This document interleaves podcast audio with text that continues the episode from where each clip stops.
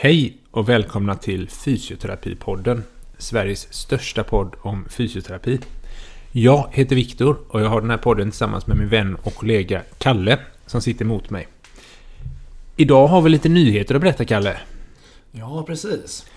De- Dels så ehm, har vi spelat in helt nya lokaler. Med en helt fantastisk utsikt. Vi ser Göteborgs hamn. Oj, oj, oj. Och båtarna som glider förbi. Stora företagen, alla husen på Lindholmen. Ja, det är vackert.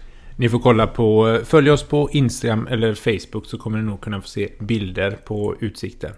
Men förutom att spela in en ny lokal så är vi ju nu fortfarande Sveriges största podd om fysioterapi i Sverige. Men vi är däremot inte längre en oberoende podd om fysioterapi. Utan dagens avsnitt och kommande avsnitt presenteras av, eller i samarbete med HMC Sverige. Ett eh, kunskapscentrum som eh, Jobbar mycket med förflyttningsutbildning, har en hel del spännande forskningsprojekt på gång. Eh, vi hoppas att vi kommer få höra lite mer om vad de har på gång här under kommande avsnitt. Men hmcsverige.se kan ni gå in på och läsa mer. Så vi är alltså Sveriges största podd om fysioterapi och Sveriges enda sponsrade podd om fysioterapi. Gäller vet vart man ska lägga pengarna. Precis, klok investering. Och det, det första jag tänkte på när vi sponsrade är i dagens sån här eh, samhälle när någon, någon kändis så gör en skandal så är det alltid att oj, nu har han förlorat alla sponsorkontrakt och avtal. Och min första tanke var dels vem av oss, men det är väl förmodligen jag beroende på, på många faktorer. Men vad kommer skandalen vara? Och kommer HMC gå ut med en officiell... vi tar händerna från allt vad de har gjort. Jag kommer stoppa dig innan dess Viktor. Det låter tryggt. Men vad har hänt eh, sen sist, Kalle? Sen vi spelade in förra gången? Ja, inte så mycket, inte så mycket jobb egentligen. Hemma, semester, julledighet, vab. Ja. Så det är eh, väldigt lite fysioterapeutiskt har hänt.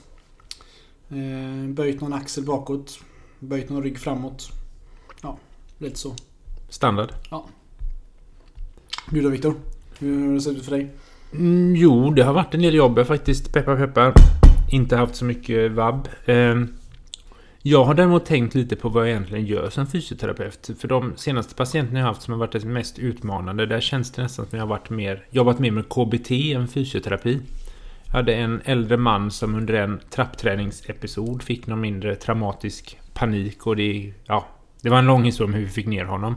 Kommande tre veckor så sakta bearbetar vi detta och testar med step-up-bräda och träningstrappa och visst, till sist då blev det 30 trappsteg i den där trappan han fastnade i. Och ja, mycket patienter med rädsla, rörelserädsla och det har varit mer lugnande besked än, än rent fysioterapeutiska behandlingar som har hjälpt. Och det är väl det vi gör egentligen. Vi gör ju fysisk KBT. Vi utsätter folk för det de inte kan, inte vill, in, är rädda för. För att de ska nå sina mål. Med olika medel. Men vi har vårt medel inte samtal, utan det är rörelser. Ja, precis. Ja, nej, det har varit eh, mycket av det. Veckans avsnitt kommer vi in åt bålstabilitet. Precis, och jag, när jag tänker på bålstabilitet så tänker jag på eh, januari 2008. Jag började jobba på Majornas sjukgymnastik. Det var, finns inte längre, men det var... Eller Karl Johans sjukgymnastik. Så länge sedan så jag sa fel namn till och med. En liten mottagning i primärvården. Eh, jag hade jobbat ett år på sjukhus. Eh, kom dit, hade med mig egentligen, min kunskap var väl det man lärde sig på utbildningen från, eh, om primärvård. Eh, hade ju jättemycket ryggpatienter. Typiska patienten, säg att det var en kvinna i 45-årsåldern, klagar på smärta i ländryggen. Ja, det gör ont när jag rör mig. När jag ligger still känns det okej. Har jag legat länge blir det ännu värre när jag väl rör mig. Jag gjorde lite undersökning, kollade rörlighet, eh, extension, flexion, lateralflexion. Palperade både erector spine och spinalutskotten. Vet inte riktigt hur jag skulle reagera på vad jag hittade där, men ofta slutade det med att jag sa att allt ser normalt ut, det är inget fel på din rygg, men du är lite svag i bålmuskulaturen. Kroppens egen korsett. Oh, den som ska hålla oss uppe och göra oss till de eh, Homo sapiens vi är. Precis, så att då är det bäst att vi börjar träna detta. Eh, med att lägga dig på rygg och dra in magen. Och samtidigt som jag palperade precis eh, över sips och kände hur den drog in. Ofta gick det inte. Nej, men då får vi ta ett steg ner. Då testar vi att stå i fyrfota stående. Så att magen liksom hänger ner av tyngdkraften. Och så får du försöka dra in. Eh, gick inte det, tänk som att du kniper. Och så höll vi på att traggla. Och när de klarade det så var det fyrfota stående sträck ut ett ben och sen ett ben och en arm och så vidare och så vidare. Hela tiden med mantrat att din svaga djupa bålmuskulatur gör att den skyddar inte din rygg. Varpå du får ont i ryggen. har orsakat det här att du är så svag i musklerna. Om du vet att patienter kommer inte alltid ihåg allt det man säger. Jag har läst forskning som säger att eh, patienter kommer ihåg ungefär 20% av det som sjukvårdspersonal säger till dem. 20%! Det vill säga om den här kvinnan då som du hade som exempel Mm. kan mycket väl ha gått från mottagningen med budskapet om att ändå hon kommer ihåg att min, min eh, buk, mina buk, bukmuskler är svaga. Och det är därför jag har ont i ryggen. Och jag borde träna. För då får jag, annars får jag dåligt samvete.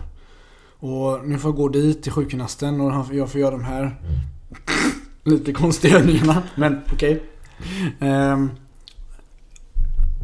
det är inget bra utfall av en sån konsultation. Jag kan ju säga så här att jag hade inte jättebra framgång rent kliniskt med mina ryggpatienter. Om inte detta hjälpte, det är ju en annan historia, men då kunde jag eventuellt behöva testa lite ryggtraktioner. Men det sparar vi till ett annat avsnitt. Det hjälpte inte så bra de heller. Men detta var ju baserat, detta var ju 2008. Det var baserat på vad jag lärde mig under 2005-2006 på utbildningen i primärvårdskursen. Där det var väldigt, väldigt, väldigt mycket bålstabilitet i alla möjliga ställningar med vikter, utan vikter, dragapparat, utan dragapparat. Men det var aktivering av bålmuskulaturen. Innan man vågade röra en annan kroppsdel skulle man ha sugit in den här magen, håll spänningen och först nu kan du våga göra en biceps curl. Mm. Jag skulle vilja att alla som eh, står upp och lyssnar eh, eller om ni som sitter ner får gärna ställa er upp. Och så gör ni ett försök att spänna djupa bukmusklerna, alltså suger in aveln eller vad man ska säga att det heter. Och så håller ni den spänningen och så försöker ni böja er framåt. Alltså en fra- flexion i stående. Hur långt ni kommer ni? Nej, inte jättelångt va? Kändes det bekvämt? Nej. Kanske inte alltid måste spänna de där djupa bukmusklerna. Det är rätt roligt för att de här... Det här området var ett, ett område där skolan faktiskt var ganska uppdaterad på. Mycket av det här arbetet baseras på en australiensisk sjukgymnasts avhandling, Peter O'Sullivan. Man kan tycka vad man vill om Peter O'Sullivan. Eh, men hans avhandling som kom, kom ut noll, publicerades i början på 00-talet handlade om, just om bålmus, om bålträning och bålstabilitet och kunna klassificera också vilka bålmuskler man skulle träna och åt vilket håll man skulle träna dem. Eh, Han har nu, när nu har gått 15 år, 10 år, gått ut och tagit avstånd från det här. Och sagt ursäkta mig alla ryggbehandlare jag hade, och patienter, jag hade fel. Jag försökte göra det bästa, jag misslyckades. Min avhandling kan inte användas till någonting. Eh, och där var skolan up to date på det här och det är ganska intressant alltså att de hoppar på. Där var det, för som vi pratade om i avsnitt två, att det var inte alltid som vi hade de nyaste rönen med. Men där var det verkligen top notch då. Mm. Men vi vet vi kanske lite bättre just nu, tror jag. Och det är väl lite som alltid när en tidning skriver felaktigheter så kommer det på första sidan men rättelsen kommer på en liten finstilt längst bak. Lite samma var det väl med Peter O'Sullivan. Lite så är det väl. Men som sagt, att han nu går ut med att han, han hade fel och vad, vad kommer det av och vad är liksom nuvarande rönen och den mest inflytelserika studien på nuvarande paradigm skulle du säga Kalle? Studien är, den mest inflytelserika studien är svårt att svara på. Eh, Peter O'Sullivan är väldigt inflytelserik för han har pratat alltid mycket om forskning och han är väldigt aktiv på sociala medier och så vidare.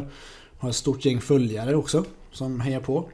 Och det, det hamnat i andra extremer. Att gör vad du vill, det spelar ingen roll. Du kan böja dig hur mycket du vill och så vidare. Och det är i många fall sant, det tror jag.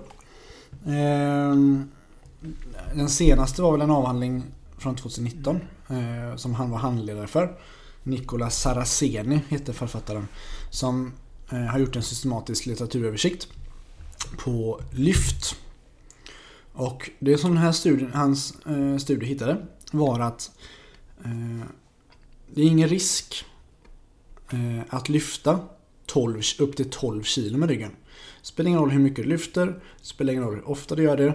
Men det är ingen risk att få ont i ryggen eller förvärra pågående ryggbesvär av att lyfta 12 kilo. Eh, den forskning som kom fram till det är ganska kass. Eller talat för att vara rakt på sak. Det vill säga att eh, kvaliteten på studien är väldigt låg. Över 12 kilo så finns det ingen forskning överhuvudtaget. Säger den här studien. Det vill säga vi vet inte jävla smack. Verkar det som. Så det är tillbaks på ruta ett. När det gäller lyfta och böja och så vidare. Mm. Men som har ändå ändrat från att det är bålstabilitet, att man ska aktivera transversus och så vidare. Vad, när, när svängde den pendeln skulle du säga? När... Jag tror det är en 5-6 år sedan, något sånt där, som det mm. började. När det kom mycket mer fokus i ryggforskningen på eh, rörelserädsla, katastroftankar, fear avoidance, eh, komorbiditeter och så vidare. En sak om, tra om transversus abdominis. Det de aldrig berättade för oss i skolan var att transversus abdominis kan genom, utveckla genomsnitt 40 Newton kraft. 40 Newton. Ja, det är inte mycket. Det är alltså 4 kilos vikt. Och, och Victor, om du skulle ha en lyfta någonting från golvet. Skulle du, skulle du vilja ha hjälp av en muskel skulle lyfta 4 kilo? Inte enkom i alla fall. Det blir inte mycket kraft utvecklat där va? Jag skulle inte sätta all min risk för akut ryggsmärta i händerna på, på den muskeln. Inte riktigt va? Mm. Sen har, finns eh, anatomer som har eh, tagit ut transversus abdominis. Som för övrigt någonstans mellan 15 och 20% av befolkningen saknar överhuvudtaget. Så då kunde du försöka palpera hennes transversus abdominis Victor. Jag har nog försökt. en, en på sju att hon inte hade någon. Jaha. Men om de personer som har en eh, När man tar ut den här strukturen Så kan man i princip se igenom den för att den är så tunn. Det är så tunn tvärsnittsarea. Eh, och då tänk, det jag tänker att det inte är logiskt att den kan vara avgörande för en stor och stark struktur som ryggraden. För den, är ut, man, en, den blir jämförd med en ICA-påse i princip. Men det är att man tänker att man har akut alltså, akut lumbal ryggsmärta eller LBP, lower back pain. Vad, om man ger träningsråd kring bålstabilitet, eh, är inte det bättre än att man säger till dig eh, vila och ta en eh, Voltaren? Jo, absolut. Absolut. Vi, har ju, vi kommer lägga ut en studie som alla svenska fysioterapeuter och sjukgymnaster borde känna till som jobbar i primärvården.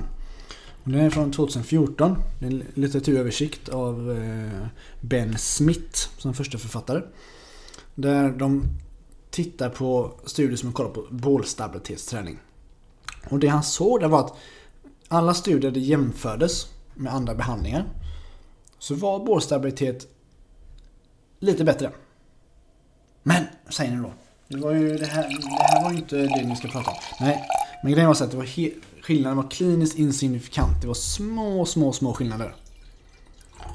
Och då, om, om det inte spelar någon roll hur man jämför det med sitta på cykel och träna, man jämför det med att sitta med vanlig styrketräning, med promenad och så vidare. Det spelar ingen roll. Verkar det som. Och om man nu tänker Viktor 2007 var det mm. Som var en utbildad sjukgymnast.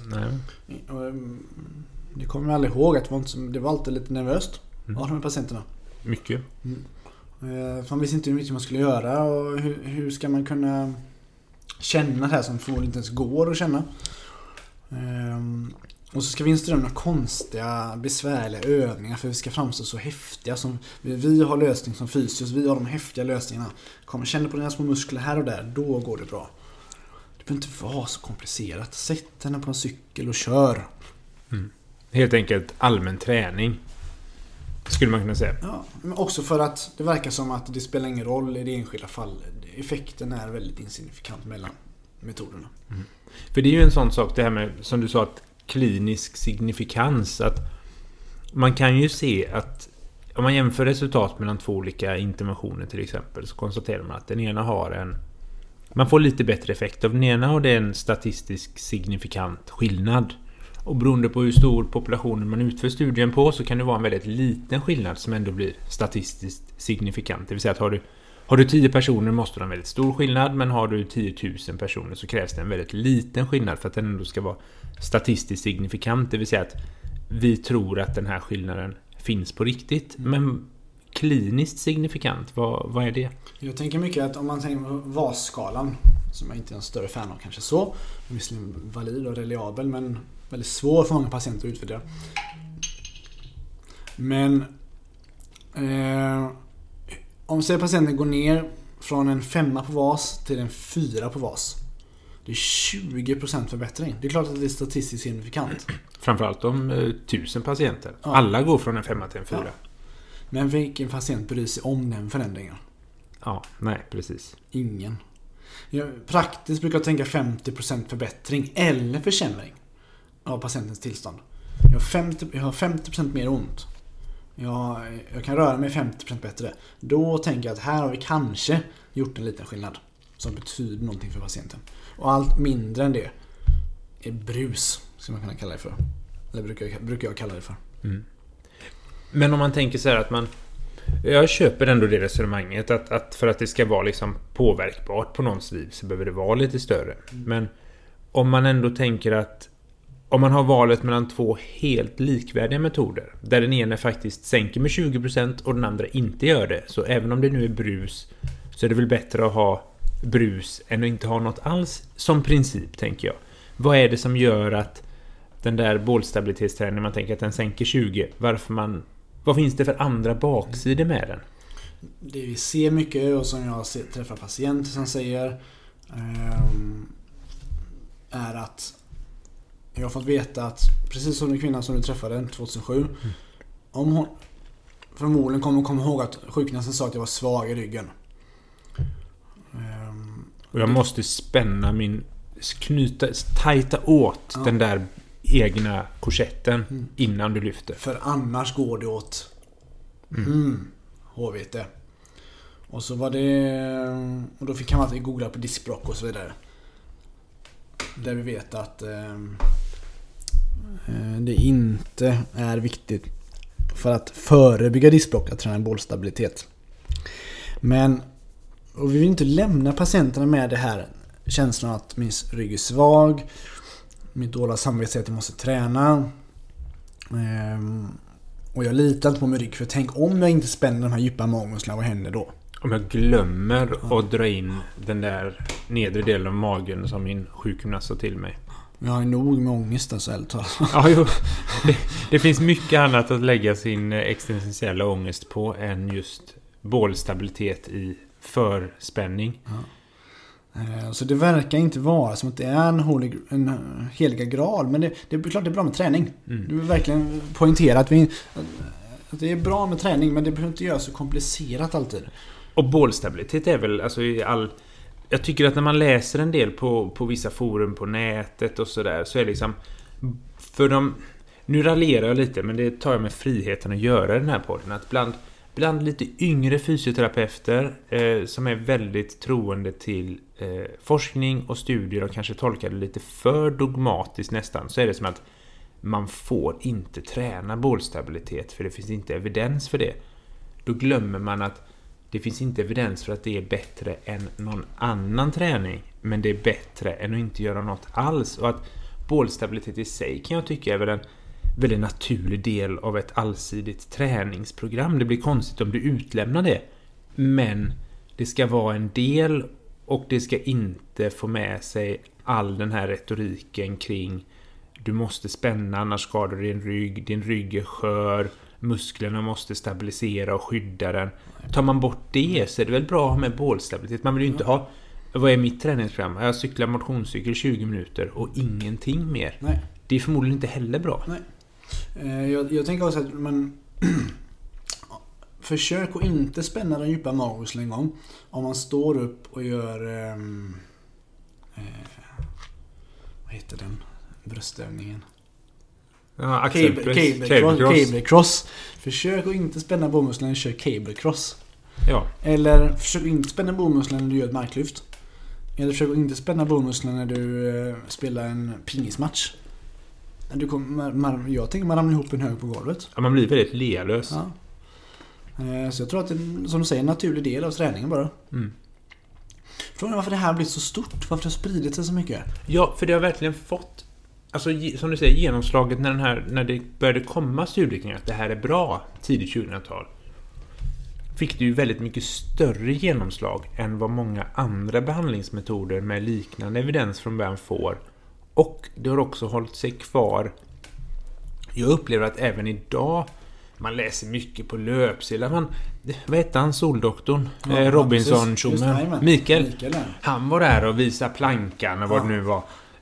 Fick han ju mycket skit för i väldigt interna fysioterapiforum. Men för Men den breda publiken Ja. så är det ont i ryggen.